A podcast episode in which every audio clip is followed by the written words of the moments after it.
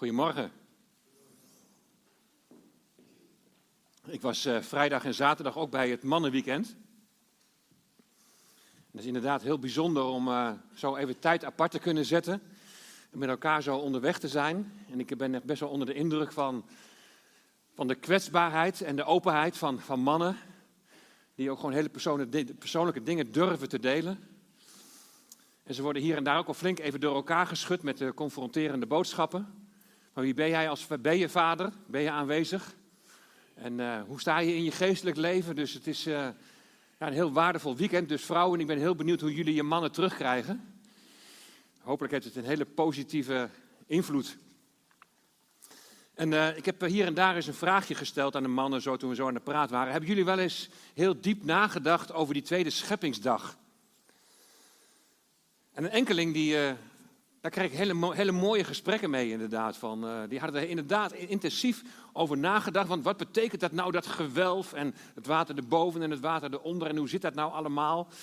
En uh, best, best wel ingewikkeld. We zijn met een preekserie bezig voor de mensen die misschien hier voor het eerst zijn of te gast zijn. We zijn met een preekserie bezig over de schepping.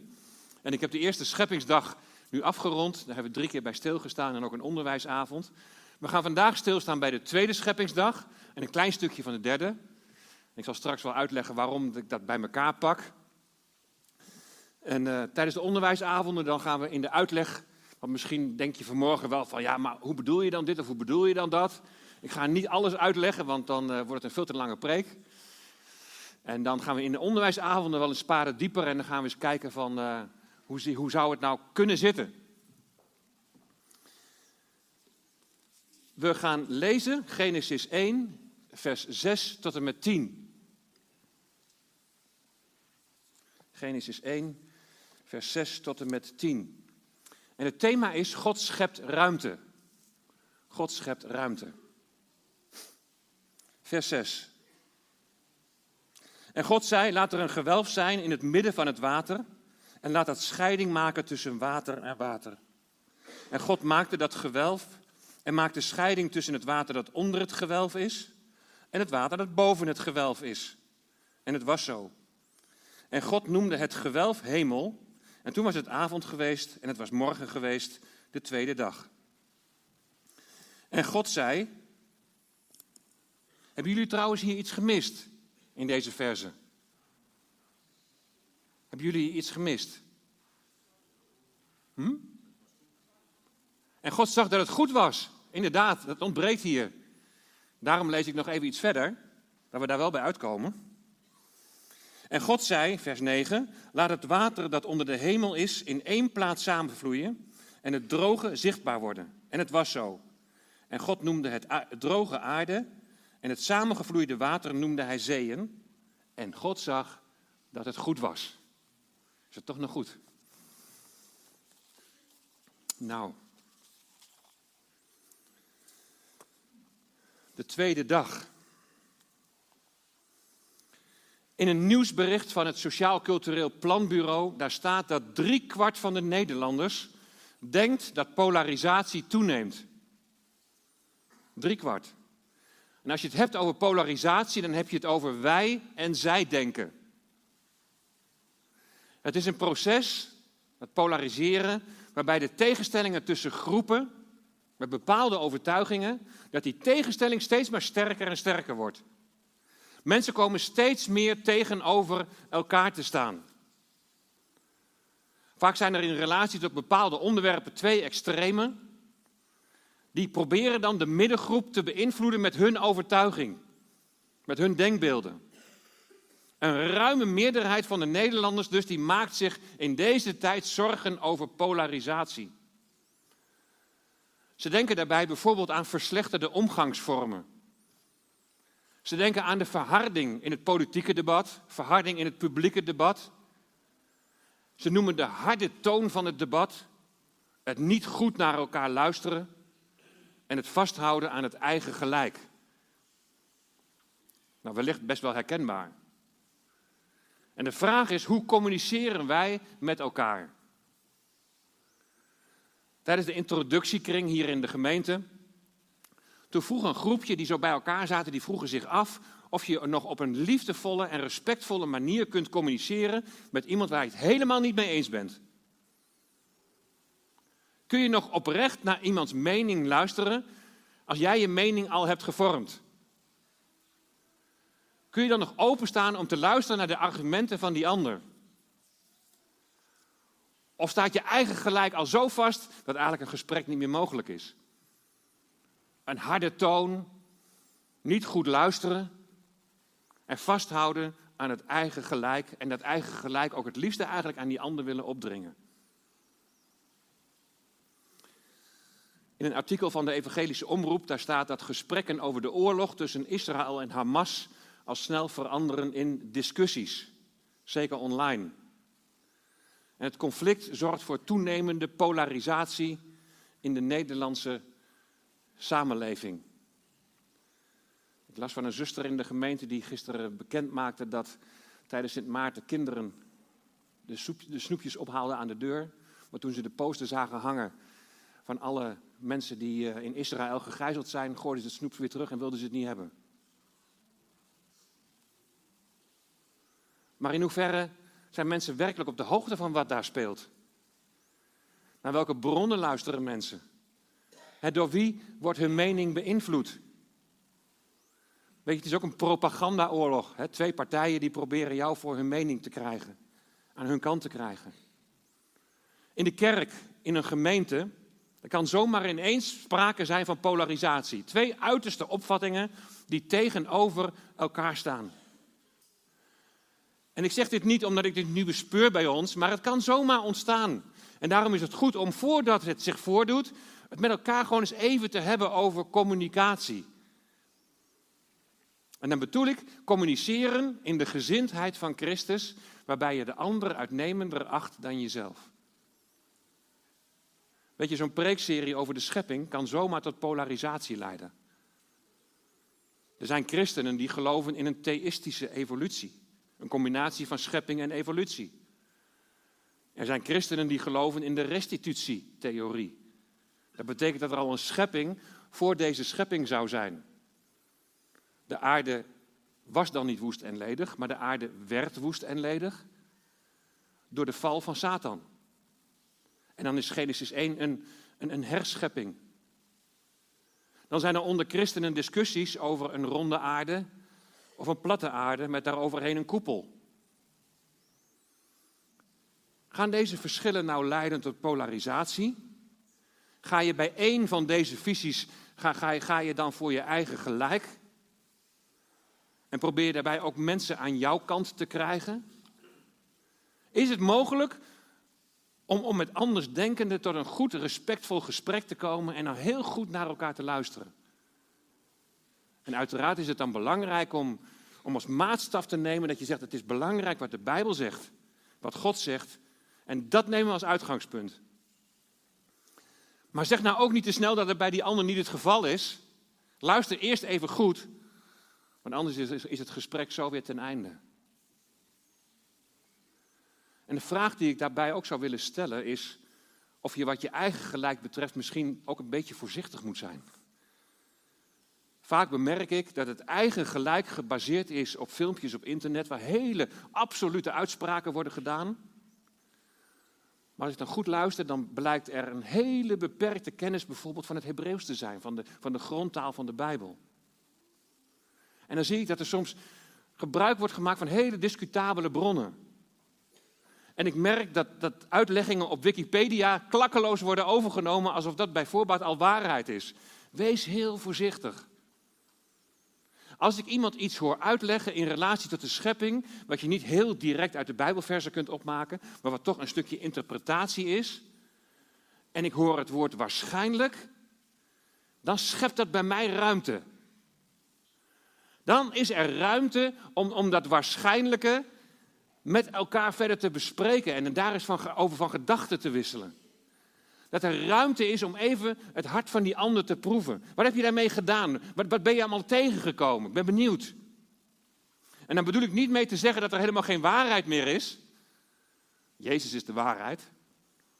En ik bedoel ook helemaal niet dat je dan geen mening meer mag hebben. Maar neem de tijd om biddend met Gods woord bezig te zijn. En wees voorzichtig om te snel allerlei conclusies, conclusies te trekken. En wees helemaal voorzichtig als je je nog nooit in die visie van die ander hebt verdiept.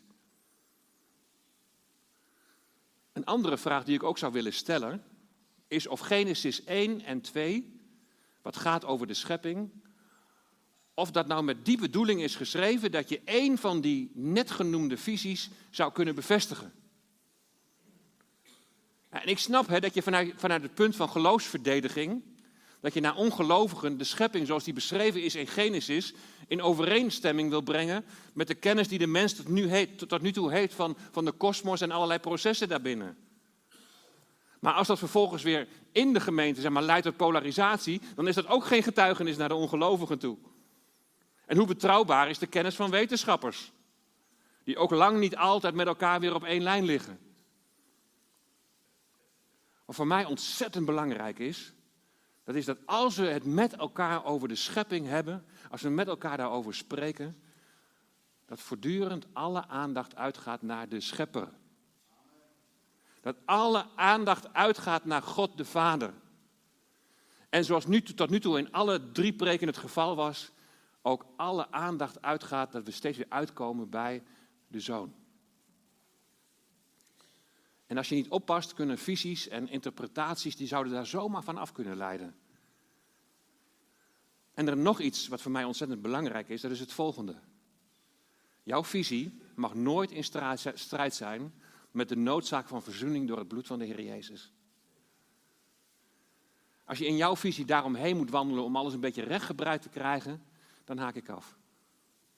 Hier ligt de grens. Niet wat het gesprek betreft, maar wel wat het serieus nemen van de, van de visie betreft. Je zult je misschien afvragen, wat heeft het nou allemaal met die tweede dag te maken? Dat zal ik je laten zien. Wat die tweede dag betreft vind ik het best wel lastig en ingewikkeld om te ontdekken wat daar nu precies gebeurt. En, en vanuit de huiskringen hebben we gevraagd, willen jullie eens vragen stellen over, die, over Genesis 1, over de schepping. En, en er zijn twee vragen uitgekomen. Dat is namelijk het gewelf, is dat de dampkring? En hoe zit het met het water onder en boven het gewelf? En, en, er zijn maar twee huiskringen die daar een vraag over hebben gesteld. Dus ik mag misschien veronderstellen dat die andere huiskringen het allemaal weten hoe dat precies zit, toch? Maar kom het maar even vertellen. Ik vind het juist één. Dit waren voor mij de moeilijkste vragen die gesteld zijn. In alle vragen die binnen zijn gekomen. Ingewikkeld, maar wat ik in ieder geval zie. Dat is dat God ruimte schept. God schept ruimte. En het belang van ruimte scheppen heb ik net betrokken op communicatie. Als er ruimte is, dan is er leven. En dan is er relatie. Dan kan er relatie zijn. God schept ruimte opdat leven mogelijk is. Opdat relatie mogelijk is. Op die tweede scheppingsdag wordt ruimte gecreëerd opdat leven mogelijk is op aarde. Opdat er relatie kan gaan ontstaan. Laten we even een kort aanloopje nemen naar die tweede dag. God heeft de wereld uit het niets geschapen. En het is in eerste instantie nog een ongevormde en een onvruchtbare schepping. De aarde was woest en leeg. En het hele aardoppervlak was gehuld in een diepe duisternis. De hele wereld werd bedekt door wateren. Het is nog ongevormd. En je hebt nog geen idee wat het gaat worden. Je kunt het nog niet zien. Zo was er nog niets van deze schepping zichtbaar. Alles was in duisternis gehuld. En we hebben vorige keer gezien dat er een moment kwam dat God het licht aandeed. Laat er licht zijn. Licht schijnt in de duisternis. En zo wordt de ongevormdheid van de aarde wordt zichtbaar. Waar Gods licht schijnt in de duisternis, daar wordt het ongevormde en het onvruchtbare wordt zichtbaar. Weet je, en dat is vergelijkbaar met jou en mijn leven. Toen het licht van de Heer Jezus in onze harten scheen, toen Hij het in jouw hart scheen, werd het ongevormde en het onvruchtbare werd zichtbaar. En als het licht aangaat, en de Heer Jezus wordt jouw redder en jouw verlosser, Dan gaat hij jou vormen. Het ongevormde wordt gevormd naar zijn beeld en naar zijn gelijkenis. Een verandering naar het beeld van de Heer Jezus. En door de inwoning van de Heilige Geest gaat hij je vruchtbaar maken. De vrucht van de Geest. Je kunt het lezen in Galaten 5, vers 22. Het zijn allemaal karaktereigenschappen van de Heer Jezus. Er staat de vrucht van de Geest is echter liefde, vrede, geduld, vriendelijkheid, goedheid, geloof, zachtmoedigheid en zelfbeheersing. Denk eens aan deze vrucht als je met elkaar communiceert, als je met elkaar van gedachten wisselt over van hoe zou het kunnen zijn. Als het licht aangaat, dan wordt het ongevormde wordt stap voor stap gevormd. En het onvruchtbare wordt vruchtbaar. En dat zien we dan ook gaan gebeuren in die komende scheppingsdagen. De eerste uitwerking daarvan zien we op de tweede dag. Om het ongevormde te vormen en het onvruchtbare vruchtbaar te maken, moet er eerst scheiding worden gebracht. We lezen nog een keer vers 6 en 7 en dan zie je twee keer het woord scheiding. En God zei, laat er een gewelf zijn, in het Hebreeuws staat daar rakia, laat er een gewelf zijn in het midden van het water en laat dat scheiding maken tussen water en water. En God maakte dat gewelf en maakte scheiding tussen het water dat onder het gewelf is en het water dat boven het gewelf is. En het was zo. God maakt de scheiding. We lezen het hier tot twee keer toe. God schept ruimte. De hele wereld bedekt door wateren. En dan gaat er iets gebeuren. Maar ja, hoe zit het nou precies? Want dat zijn wij mensen toch? We willen weten graag hoe het zit. En hoe het allemaal werkt. Nou, ik zou jullie mee kunnen nemen in een oerwoud van meningen over deze tweede dag. Zodanig dat je op een gegeven moment door de bomen het bos niet meer ziet. Nou, gelukkig waren op die tweede dag nog geen bomen. Natuurlijk ga ik er wel iets over zeggen. En we zullen proberen om er iets van te begrijpen. En zoals ik al zei tijdens de onderwijsavond, zullen we daar nog eens wat verder op ingaan. En wat ik altijd zo mooi vind van zo'n avond, is dat er ook mensen zijn. En dat we dan ook na die tijd nog eens even daarover met elkaar in gesprek kunnen komen. Daar met elkaar kunnen, over kunnen communiceren in de gezindheid van Christus. Dat is mooi.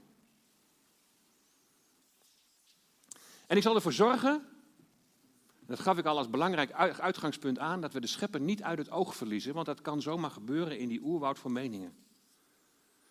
Steeds moeten we weer terug aan waar het ten diepste om gaat. God schept ruimte opdat er leven mogelijk is.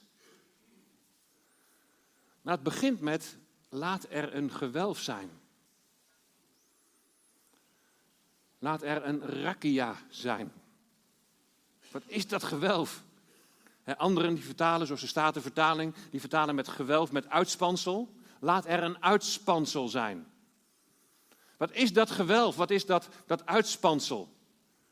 Nou, waar het al mee begint, is dat het woord rakia in het Hebreeuws heel moeilijk te vertalen is.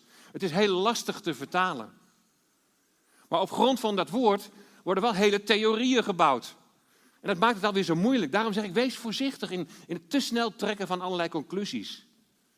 Het woord rakia, het dichtste bij komt de betekenis van uitgestrektheid.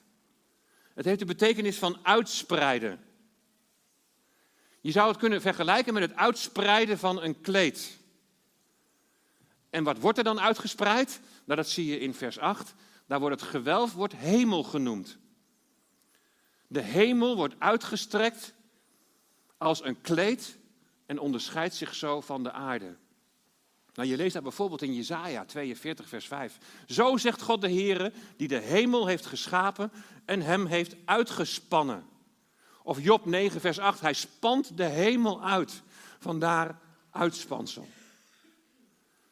En het uitspansel is overal te zien. Is het niet indrukwekkend als je omhoog kijkt? De hemel vertelt Gods eer en het gewelf verkondigt het werk van zijn handen. Psalm 19, vers 2. Verwondering, daar hebben we het de vorige keer over gehad. Kun je nog verwonderd staan over wat God heeft gemaakt, wat Hij heeft geschapen? Is er nog rust in je om daar eens bij stil te staan? En gisteren bij die mannen hoorde ik het ook wel. Allemaal druk, druk, druk. Volle agenda's. Er moet zoveel gebeuren. Staan we nog wel eens even stil? Hebben we nog met elkaar gewoon eens even de tijd en de gelegenheid om met elkaar het woord te openen en daar echt diepgaand met elkaar van gedachten over te wisselen?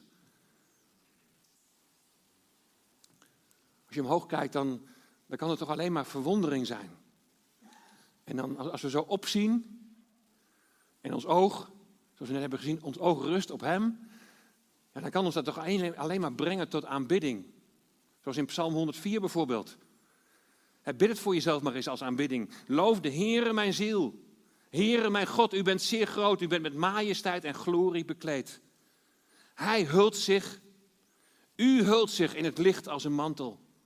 Hij spant, u spant de hemel uit als een tentkleed. Dat tentkleed en dat uitspansel, die hemel, die krijgt een functie, die krijgt een doel en die krijgt een taak. Het maakt scheiding tussen de wateren die onder en die boven het uitspansel zijn. Dat geweldige kleed, dat geweldige gordijn maakt scheiding tussen watermassa's die boven en onder de aarde zijn. God schept ruimte. Water onder het gewelf en water boven het gewelf worden van elkaar gescheiden. En wat is dat gewelf? Wat, wat is dat uitspansel? wat, is dan bedoeld, wat wordt dan bedoeld met de hemel?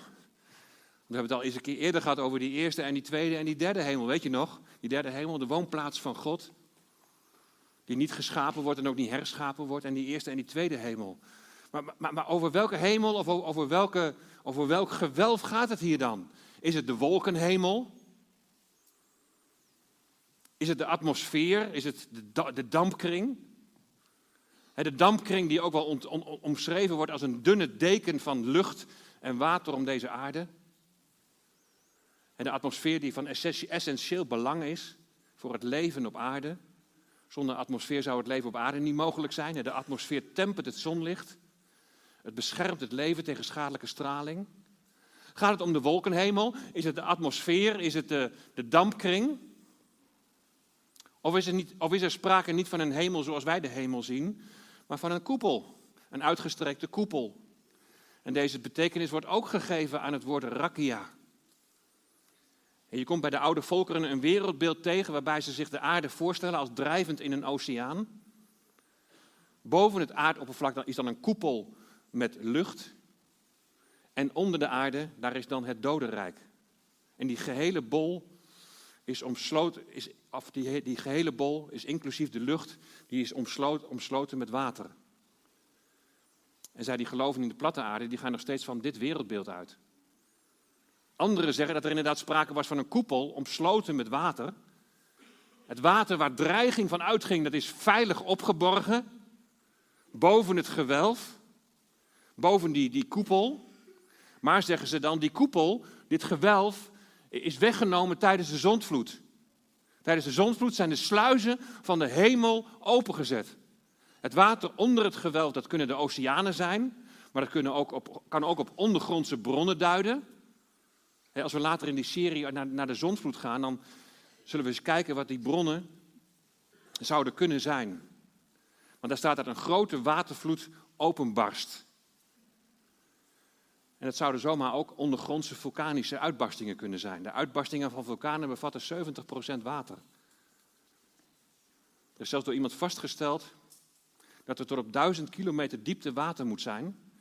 Water dat dan wel opgesloten zit in mineralen. Het water onder het gewelf, de oceanen of de ondergrondse bronnen. Het water boven het gewelf. Hoe moeten we het precies zien? Heeft het iets te maken met dat na de zonvloed de situatie op de wereld veranderd is? En, en ik realiseer me heel goed dat wat ik nu vertel misschien nog wel meer vragen oproept dan antwoorden geeft.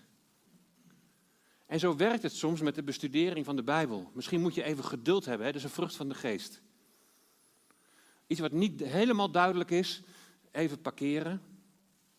En wellicht dat de uitleg bij de zonvloed of bij de onderwijsavond wat meer sturing en wat meer duidelijkheid gaat geven. Maar dan zullen er ongetwijfeld ook weer nieuwe vragen naar boven komen. En misschien vind je dat wel heel lastig. Misschien heb je niet zoveel geduld. Zeg nou maar gewoon hoe het zit. Misschien vind je het lastig dat er niet makkelijke antwoorden te vinden zijn. Het maand je in ieder geval, hoop ik, tot voorzichtigheid. Om al te stellig te zijn. Er is maar één ding waar ik heel stellig over kan zijn. Het is God die schiep. Hij construeert als het ware een uitgestrekte schutting die scheiding brengt tussen wateren en wateren. Ruimte scheppen opdat leven en relatie mogelijk is. Leven hè, van dieren en mensen dat op de vijfde en de zesde dag wordt geschapen. Dat is toch alles waar het om draait. En als je goed kijkt, dan, dan zie je inderdaad alleen bij de eerste, de derde, de vierde en de vijfde en de zesde dag. En God zag dat het goed was. Dat komt waarschijnlijk omdat het op de tweede dag nog niet helemaal klaar was. Met de scheiding van het water is het nog niet klaar. Daarom heb ik een stukje van de derde dag erbij gelezen. En God zei: Laat het water dat onder de hemel is in één plaats samenvloeien en laat het droge zichtbaar worden. En het was zo. En God noemde het droge aarde en het samengevloeide water noemde hij zeeën. En God zag dat het goed was. En als het water op één plaats samenvloeit, dan ontstaat er één continent. Eén continent waar later meerdere continenten weer uit voortgekomen zijn. Het is heel goed mogelijk dat de zonsvloed daar een hele belangrijke rol in heeft gespeeld. En God zag dat het goed was. God is een ruimteschepper. Als, als God schept, als schepper, deed hij een stapje opzij om plaats te maken. Om plaats te maken voor de schepping, om plaats te maken voor de mens, om plaats te maken voor jou en mij. Het is wonderlijk. En waar wij de neiging hebben om voor ons eigen gelijk te gaan, was bij de Vader het verlangen om zijn volk te redden. De Vader had gelijk. Hij had niets hoeven te doen. Hij had met de watervloed de hele boel kunnen vernietigen. En het zou niet onterecht zijn geweest. De mens had het verdiend. Toen het volk om een koning vroeg, had de Heere God kunnen zeggen: bekijk het maar. En nu is het afgelopen. En het zou niet onterecht zijn geweest. Hij had de ballingschap ook als einde oefening kunnen beschouwen. En het zou niet onterecht zijn geweest. Na de afwijzing van zijn zoon had de Heere God een einde kunnen maken aan deze schepping. Het zou niet onterecht zijn geweest. Maar steeds begint hij weer opnieuw met de mens. Steeds opnieuw schept hij weer ruimte, omdat hij naar relatie verlangt. Hij gaat steeds maar weer door, omdat hij het einddoel voor ogen heeft. Hij schept voortdurend ruimte om het einddoel te bereiken. De aarde vol van zijn majesteit en vol van zijn heerlijkheid. De hoog verheven majesteit, de, de, de machtige schepper van hemel en aarde, hij die het tentkleed uitspande, waar dus heel veel over te zeggen is en waar we ook nog wel verder over met elkaar over zullen nadenken. Hij die het tentkleed uitspande, is dezelfde die naar jou en mij toegekomen is. Liefde was het, onuitputtelijk. Liefde en goedheid eindeloos groot. Toen de levensvorst op aarde tot ons heil zijn bloed vergoot. Hij schiep ruimte. Hij scheidde de wateren van de wateren. Hij schiep ruimte. Hij schiep ruimte, Jezus, de Zoon van God. Hij schiep ruimte door als onschuldige voor de schuldige te sterven. In hoeverre functioneer je en communiceer je in de gezindheid van Christus? Ben je ook zo'n ruimteschepper? Zonder water bij de wijn te doen. Wordt in dat scheppen het leven met de Heer Jezus zichtbaar? Die ging voor genade en waarheid. En wek je met dat leven dat je hebt, wek je met die relatie die je hebt, wek je daar een soort van jaloersheid op?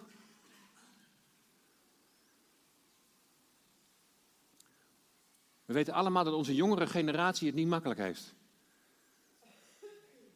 Wat mij opvalt is dat iedere keer als we hier een doopdienst hebben, dat er jonge mensen zijn die onder water gaan en zeggen: Ik wil met Christus sterven en met Hem weer opstaan. Voor de komende doopdienst hebben we er weer drie: 16, 18, 21 jaar. En in een van die getuigenissen hoorde ik, want ik zei net, wek je met het leven dat je met de Heer Jezus hebt, wek je daarin een stukje jaloersheid op. In een van die getuigenissen hoorde ik, ik zag dat mijn vader en moeder zo veranderd waren. En ik dacht, dat wil ik ook. Ruimte scheppen. Kom, laat ons zijn liefde prijzen. God geeft vreugd en dankenstof. En eenmaal zingen wij voor eeuwig in de hemel zijn lof. En dan zullen we precies weten hoe het zit, misschien met die hele koepel en met die uh, op boven het water en onder het water. Gods tegenstander, de duivel, die gaat rond als een brullende leeuw, zoekende wie hij kan verslinden. En zijn aanval zal zijn op de kinderen van God. Wees daarop verdacht. Schep geen ruimte voor hem. Zet de deur niet open voor verkeerde keuzes die tegen Gods wil ingaan. Geef al je ruimte aan de Heer Jezus. Geef al je ruimte aan de Heilige Geest in jou. Opdat het ongevormde nog meer en meer gevormd kan worden en het onvruchtbare nog steeds meer en meer vruchtbaar zal zijn. Wees vervuld met de Heilige Geest en leg af wat verkeerd is in Gods ogen. Leg af wat onrein is en wijd je aan de Heer Jezus toe. Wijd je toe aan de Schepper. En vanmorgen bad ik nog, toen we met deze dienst aan het voorbereiden waren, dat sommige dingen, en ook van het begrijpen, dat sommige dingen voor ons te groot zijn. Maar gelukkig is Hij groter. Altijd. En daarom is Hij onze toevlucht. Daarom mogen wij ons bij Hem geborgen weten. Geef geen ruimte aan de Satan, maar geef ruimte aan de Heilige Geest. Heer Jezus rijdt als heerser door de velden. Jezus in uw grote kracht. Niets, niets kan u tegenhouden, zelfs de hel niet met uw macht, met haar macht. Voor uw naam, zo groot en heerlijk, zingt de vijand weg in het niet. Heel de schepping, Heer, zal beven als zij u, haar koning, ziet. En die koning is in aantocht. De weeën in de wereld die getuigen daarvan. En de koning, als hij komt, dan zal hij ook scheiden. Dan zal hij ook scheiding brengen. Zij die van hem zijn en zij die niet van hem zijn. Zij die niets van hem willen weten. Als bij jou het licht nog niet is aangegaan, als je Jezus nog niet kent als je redder en als je verlosser, Besef dan zometeen wat we gaan zingen. Jezus is de levensvorst die ook voor jou zijn bloed vergoot. Hij stierf in jou en in mijn plaats. Om ons te verzoenen met God de Vader. Om ons van onze zonde te reinigen. Om ons schoon te wassen. Hij schept ruimte. De Heer Jezus schept ruimte. En heeft ruimte geschapen in het kruis en zijn opstanding ruimte geschapen om in relatie te komen met God de Vader. God schept ruimte opdat er leven is en overvloed. Daar gaat Gods verlangen naar uit. Hij schept ruimte om je in relatie met God de Vader te brengen. Spreek het dan ook uit naar de Heer Jezus. Dank u wel dat u uw leven gaf voor mij. Dank u wel dat u mij in het reine brengt met God. Dank u wel dat u al mijn zonden vergeeft. En dan, o Heer Jezus, vervul ook mij met uw Heilige Geest. God schept ruimte omdat er leven is. Eeuwig leven, leven voor altijd. En eeuwig leven dat vandaag al in kan gaan. God schept ruimte. Schep jij ruimte om, om Hem te ontmoeten? Wil jij ruimte scheppen om ook daadwerkelijk met Hem te leven? En vanuit dat leven met elkaar te communiceren, met elkaar eens van gedachten te wisselen. hey, hoe zie jij dat nou met die tweede dag? Gisteren waren zulke bijzondere, mooie gesprekken daarover. Want toen hadden we even de tijd. Even de tijd om eens even daar rustig over bij elkaar te zitten. Een gewelf. is het nou gewoon de hemel? Of is het toch een koepel? En, en, en is het een blijvende koepel? Of is die tijdens de zonvloed verdwenen? En is het misschien zo, want we zien heel vaak dat wat in Genesis misgaat, dat het in openba eindopenbaring weer wordt hersteld. En iemand die wees mij op openbaring 4 over de glazen zee. Hé, hey, heeft het daar misschien ook iets mee te maken? Heel veel vragen. Maar zorg alleen dat je door al die vragen niet kopje onder gaat, maar steeds weer teruggaat naar de kern. Hij is de schepper. Ik kan me nog zo herinneren dat we tijdens de theologiestudie daar ook een les over hadden over de schepping. En die leraar die stuurde ons alle kanten op en die stelde ons allerlei vragen. En er waren verschillende studenten die waren helemaal van de kaart na, afloop. En die dachten van, er klopt helemaal niks meer van zoals, het zoals ik erover dacht. toen zei die leraar, nou dat is heel goed, want dan leer je weer zelf nadenken. Maar, zei hij, even terug naar de kern. God is de schepper, dat staat vast. God is ook de herschepper. Hij heeft geschapen in zijn zoon. We hebben dat gezien, Bereshit. Reshit betekent eersteling. In het begin, in de eersteling, in de zoon, schiep God de hemel en de aarde. Het draait om hem. Hij is het einddoel. Hij is ook die herschepper die ons van binnen wil veranderen naar het beeld van de Heer Jezus. Dat het ongevormde weer gevormd gaat worden zoals God het heeft bedoeld. En dat het onvruchtbare vruchtbaar mag worden. Dat de vrucht van de geest in ons uitgewerkt mag worden. Opdat we in liefde en respect met elkaar over dingen in gesprek kunnen komen. Ook al is jouw mening misschien helemaal tegengesteld tegenover die ander. Polarisatie in de wereld. En dat mag in de gemeente niet een plek krijgen. Want we zijn allemaal een kind van God. Zij die de Heer Jezus kennen als redder en verlosser. En we lopen samen naar hetzelfde einddoel toe. En laten we elkaar daarin vasthouden.